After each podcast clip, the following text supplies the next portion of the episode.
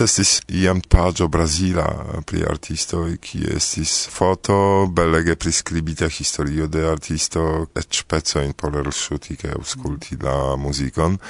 Tiu pagio malaperis, do mi pensis er, vinil Cosmo Rock Gazedo, tamen sur la paĝo devas esti pli da pri artisto, mm. historio, eble ne numero de ŝuoj, set tamen mi vizitis ofte vian pagion ce Imperniti, kiu estas ege colora bela, plen plena de fotoj, kion oni ne povas trovi en tiu ĉi oficiala paĝo. Mm.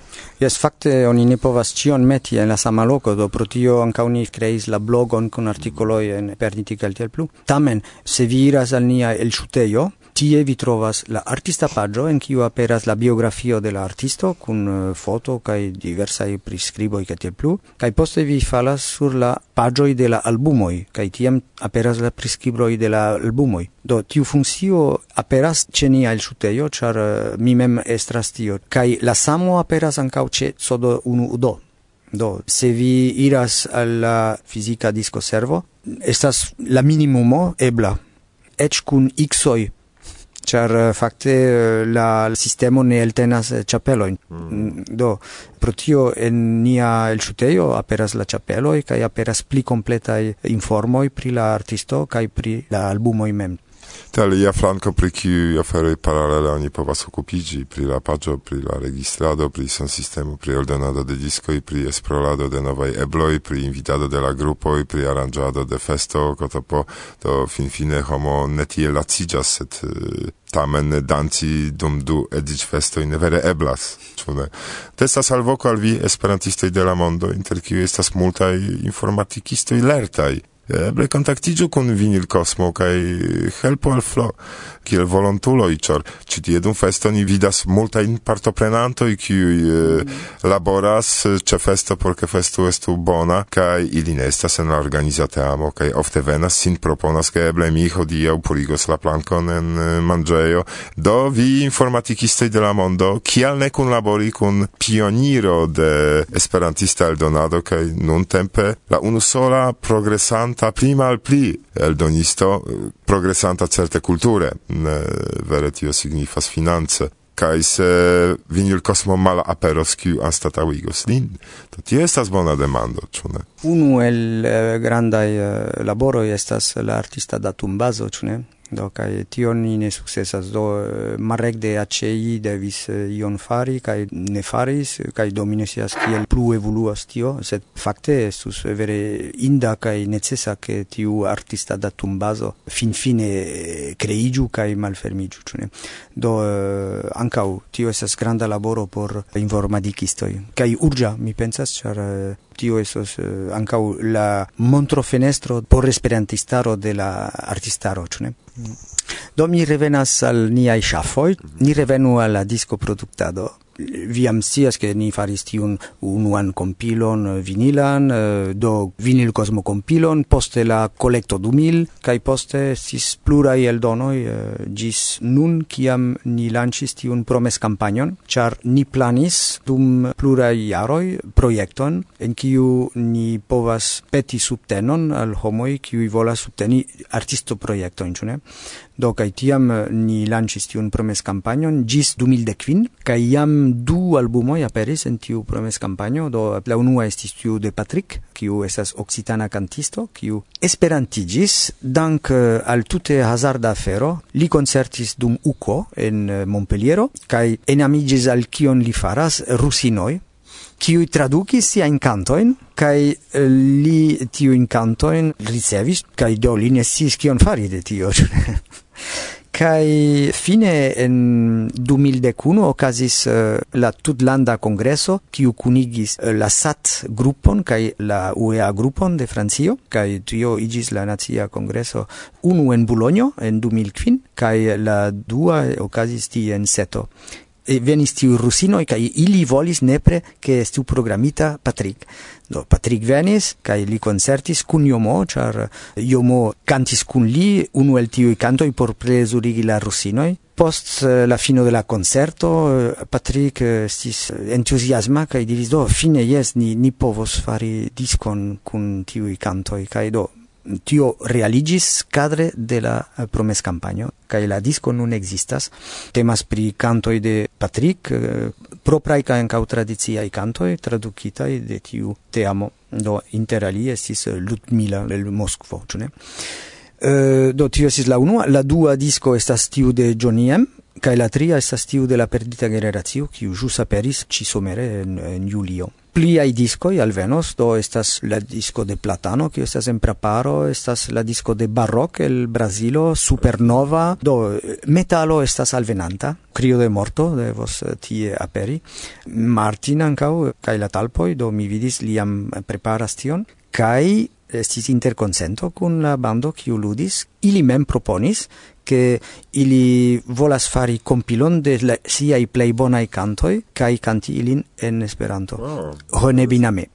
Do, kai tio esas eh, tute fresha novajo Do ne nur eldonitaj ĝis nun konata konataj, ofte vidata en libroservoj, diskoj de Vinil Kosmosa, ankaŭ novaj novai novaj i Vi ne vidas tion, mi vidis, kiel riĉa estas prezentado de Vinil Kosmo ĉi tie sur la tablo concerteio aspectas kiel gimnastika salono por infanoj de la tipa lernejo kaj ĉirkaŭ la plej longa muro staras longa, longa, longa, longa, longa tablo kovrita absolute per kododiskoj kaj ĉiu disko estas malsama kaj tiu estas via agado dum prulai jaroj, pro kiu mi povas ne nur nome de mi, sed nome de la aŭskultantoj diri dankon, ĉar dankal tio ni havas iun muzikan kulturon, kaj ni ne hontas rakontante pri Esperanto, ke jes literaturo, jes originala poezio, jes kaj kio kun muziko? Jes, ni havas. Jes, sed laŭ mi ne sufiĉe.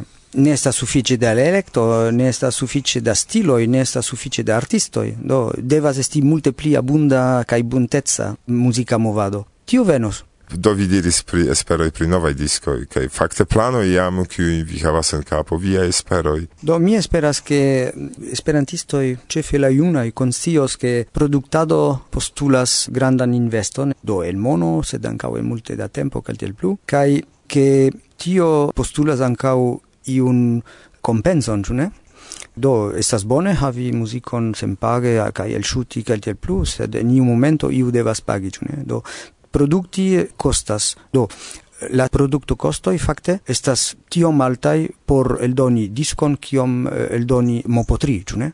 Eh, pago de la studio, pago de salairoi se estas salairoi, de tecnicistoi, de musicistoi, se estas musicistoi profesiai, ca tie plu, catie plu. Cai tivi costoi estas fixai, che estu por el chutado au por el donado de disco. El donado de disco estas croma paso, sed ne la play costa. Do tio signifas che mi esperas che esperantistoj konscios pri tio kaj ke ili subtenos acetante, ne provante trovi solvojn por elŝuti senpage ie, ĉu ne? Ĉar farante tiel tio malaperigos nian agadon eh, kaj do malhelpas. La celo estas daŭrigi produktadon de novaj eh, muzikoj por ke estu multe pli abunde por la radioj, por eh, la esperantistaro mem kaj por ankaŭ vidi dum la festivalo novai artistoi, novai musicoi, kaj tiel plu. Se oni mortigas la productadon, oni mortigas la tutan ceteron, cune? Mia espero estas ke homoi konscios pritio, cae che ke subtenos nian agadon, simple accentante mine petas multe pli, acetante la musico in cui li ascultas, cune? Do resume oni povas diri ke ĉevalo kiu tiras ĉaron devas mangi, se ne manĝos falos kaj ĉaro staras en unu loko. Czy vi havas vian propran maŝinon por produkti diskojn? Ĉar ili ne estas bruligitaj komputile. Ne, ne, ili bruligis en mia, in mia stokejo. Do, de...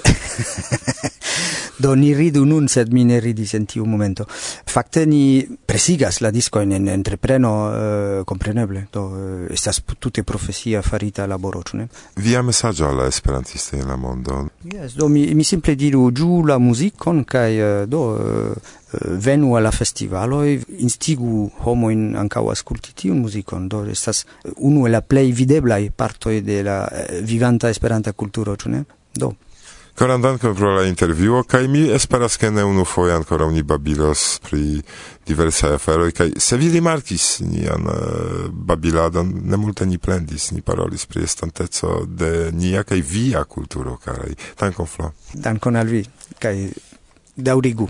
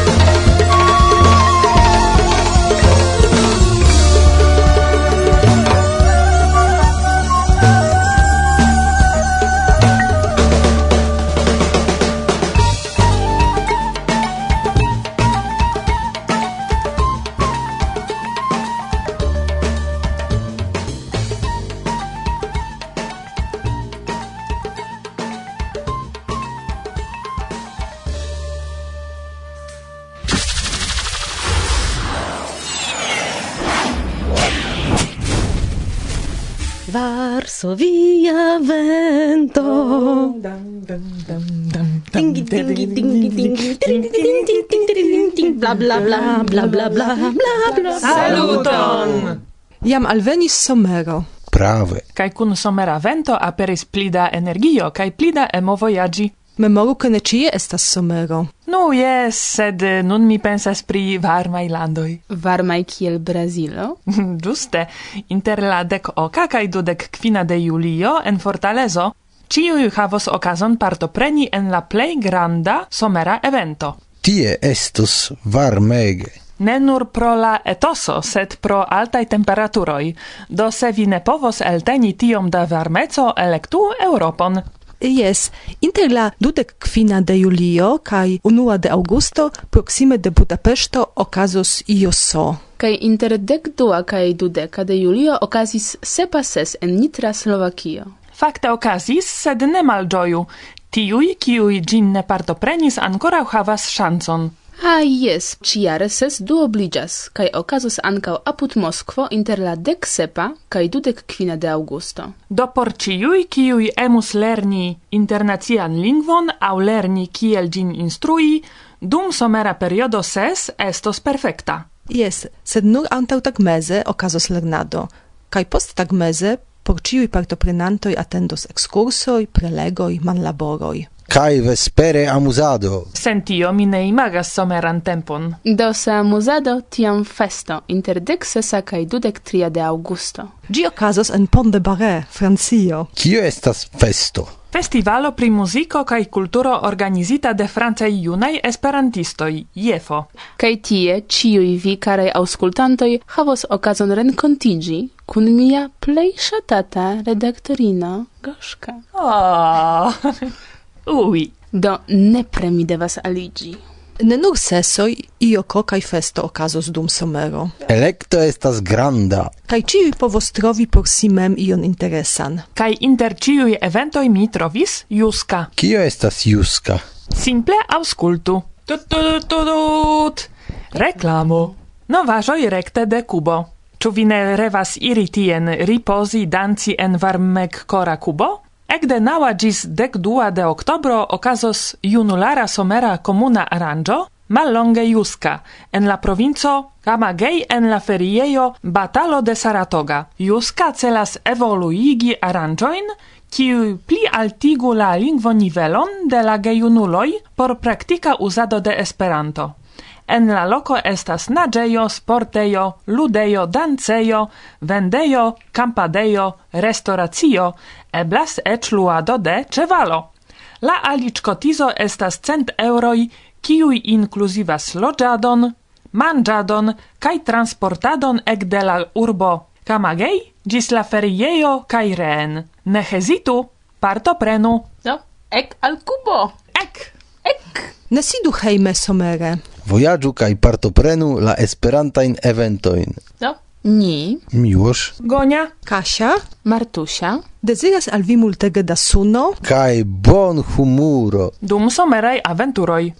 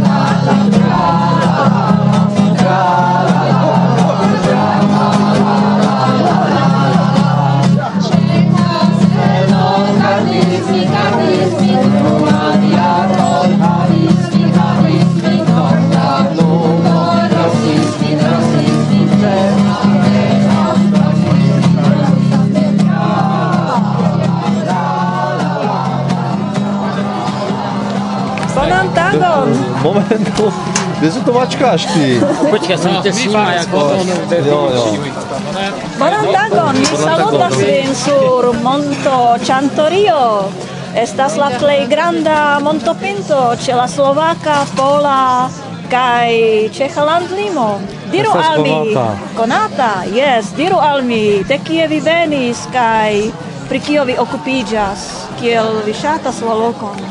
Mi venis el urbo Ostrava, estas circau 20 km de tiu loko kaj Ĉantorie piede, trajne, eh, bicikle? diverse. Diverse. Yes tre interesse, ne enuige. Ĉu la vetero favoris aŭ malfavoris? Ne tro. Ne tro. Ne tro, sed ne gravas. Ne gravas. La bona humuro kaj eh, entuziasmo de homoj bona.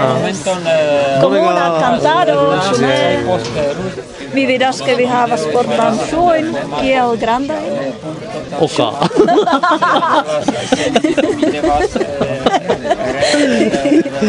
yes. Kvardek dua. wow. ok, bone, danko. Anko mi deziras al vi agrblantagon. Kaj Bedankinde, kaj bonan malsupren iron, ĉu ne? Kaj venon jare denove. Denove do pli taŭga vetero. Yes. Kiu vi estas? Mi estas Ladia Nemec kaj mi gvidas Esperanto kurzon en Esperanto klubon en Ostrava, kie estas eble mi opinias dek sep eh, gesamideanoj kaj ordinare kunvenas ok ĝis dek kaj ni kaj vi ĝuas grimpi montaron Ĉantoria ĉiujare yes, ĉiujare kaj ni ankaŭ organizas ovofritaĵon Kio ĝi estas ovo fritaĵo? Ovo fritaĵo estas fritaĵo de ovoj kiun ni organizis ĉe Jarda Suchanek en Friedland. Kaj kunvenis pli ol dudek gesamideanoj. Ah, tre interesa. Manĝoj, bierumado, parolado, yes, yes, bonega cantado, atmosfero, cantado. Kaj simile. Kaj simile. Saluton, saluton, mi core salutas vin Jana sulla Cantoria Montego. Aita kengo marketka. la spojeni vidis nin sur la bela Adriatica maro.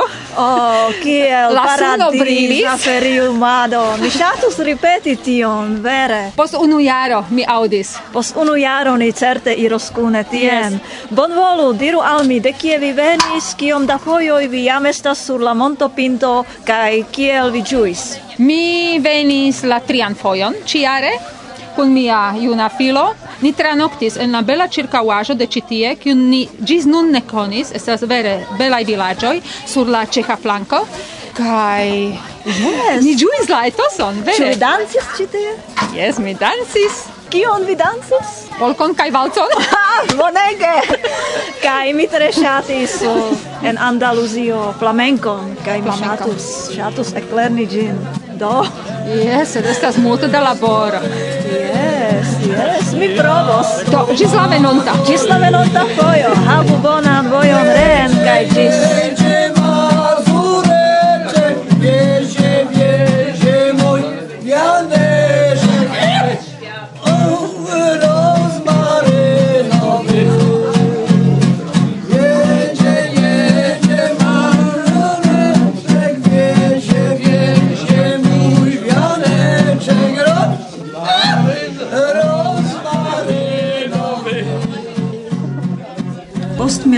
Esperanto-klubo Ostrava klopodis renovigi tradiciajn kunvenojn de esperantistoj sur monto Chantorio. Tial ĝi kunvokis unuan postmilitan kunvenon tien la dudekan de junio. Esperantistoj revenis al la tradicio, kvankam multfoje pro la landlimo la partoprenantoj povis nur vidi sin starinte ambaŭ flanke kaj interparoli kriinte sen eblo brakumi sin kaj salutkisi. Antau dec jaroi, post la aligio de Polando, Slovakio kai Cechio al structuroi de Europa Unio, mal aperis la landlimoi kai la unuan foion ciui povis rencontigi, ec sen posedo de pasportoi. Ču vi povus diri plu pri la renconto? Compreneble volonte nun tempe esperantistoi rencontigas citie, ciam dum tria semain fino de junio. La cefa renconto comenzas antau tagmeze en ceha gastejo. Multai grimpas alla monto el ceha urbeto Nidec, sed quelcae veturas alla pinto per telfero el pola urbeto Ustroň Polana. Ancau aliai preferas veni tien tra aliai montopintoi. La monton covras multe da verdezo cae densega arbaro. Partoprenantoi ofte visitas proximan victuron construitan antau quelcae jaroi de kiu bone videblas ĉirkaŭaĵo de la montopinto cae alia montaro. Kelkai kun granda intereso visitas falkeion, kie loĝas rabobirdoj kaj strigoj. Junularoi volonte juas vetureion por somerai sledoi, kiui havas formon de slalomo, kai multfoje turnigas, pro kio veturantoi ekridetas. O oh, vivu la, vivu la, vivu la stelo, vivu la, la, la stelo,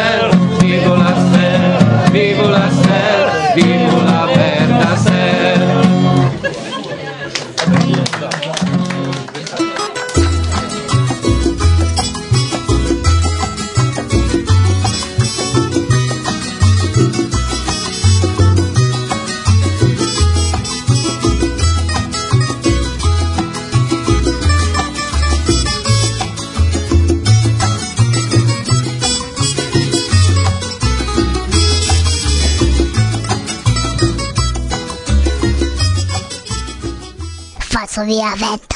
Bla bla bla. Somero comencigis, cae cum somera periodo voyagioi tra la tuta mondo. Proximae cae malproximae voyagioi versaine jam estas planitai. Au jus planatai. Do tiel ni priparolos en nia malgranda mema angulo principoin de securai voyagioi. Fixu ilin en memoro au scribu per grandai literoi en caiero. Ču vi jam scias kien vi voyagios ciare me? Mm, compreneble mi directigas al Francio. Ču compreneble festo? Festo, festo, festo. Fluge, buse au traine vi vojaĝos? Certe fluge, shaine kun bona kompanio. Do, generalai consiloi pri voyagioi kiu ni priparolos hodiau utilos al vi. Yes, tio taugos sed ne nur por mi. Comencu ni per mono. Bone. Do, Havu kun vi nur nepran sumon, neniam vagadu tra urboj kun monujo plen plena da mono. Se vi bezonas havi pli da mono dum vojaĝoj, memoru ke pli sekure estas meti monon en diversaj lokoj. Tiam en caso de rabado vi ne perdos cion. Prave. Kaj ciui gravaj sakoj, monujoj, dokumentoj havu kun vi dum la tuta vojaĝo estu atentema, cefe en locoi kie estas multe da homoi, en tramoi, busoi, precipe tiui voyagiantai el exemple flughaveno centrai stacidomoi.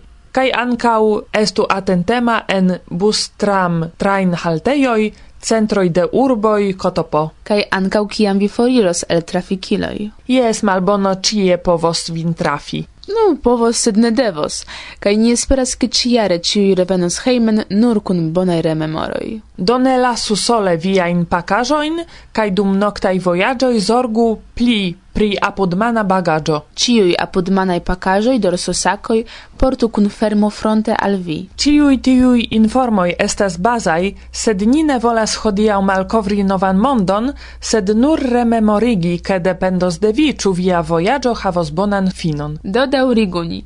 Vojaĝante trajne evitu malplenajn vagonojn kaj kiam vi vojaĝas sole, penu ne dormi. Kiam vi vojaĝos kun amikoj, unu deĵoru. Kaj interŝanĝu deĵoradon. Alia grava konsilo. Ne prenu de nekonatuloj donacojn, ne fidu senlime al tro malfermaj homoj, rabistoj ne dormas. Tio kompreneble ne signifas ke ci estas rabistoj, kaj ke vi ne povos trovi en buso, trajno, amicajn kun vojaĝantojn. compreneble set pli secure estos ke vi ne akceptu tro atrakciajn ofertojn de laboro, acetado de altkvalitaj produktoj mal multe da mono. Laŭ mi, ni preparalis jam cion kaj kun tiu scio ni povos komenci paki bagaĝojn. Mi jam tion faris. Jam? O, preskaŭ jam, sed malmulte restis por fari. Tiel, ĉu vi povos helpi al mi? Kompreneble, ne forgesu preni balsamojn kontraŭ suno do eble mi faru liston. Bona ideo! Kai ekde multa jaroj mi havas saman paperan liston en kiu troviĝas ciu ajo kiun mi povus bezoni dum ia vojaĝo. Do antaŭ ĉiu ekiro mi tralegas ajon post ajo.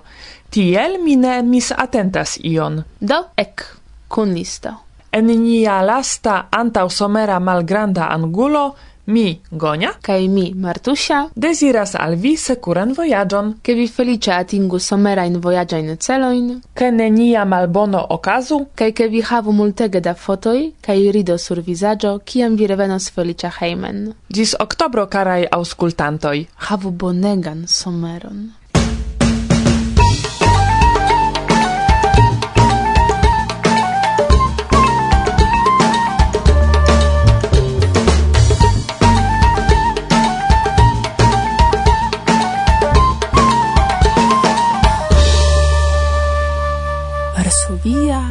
when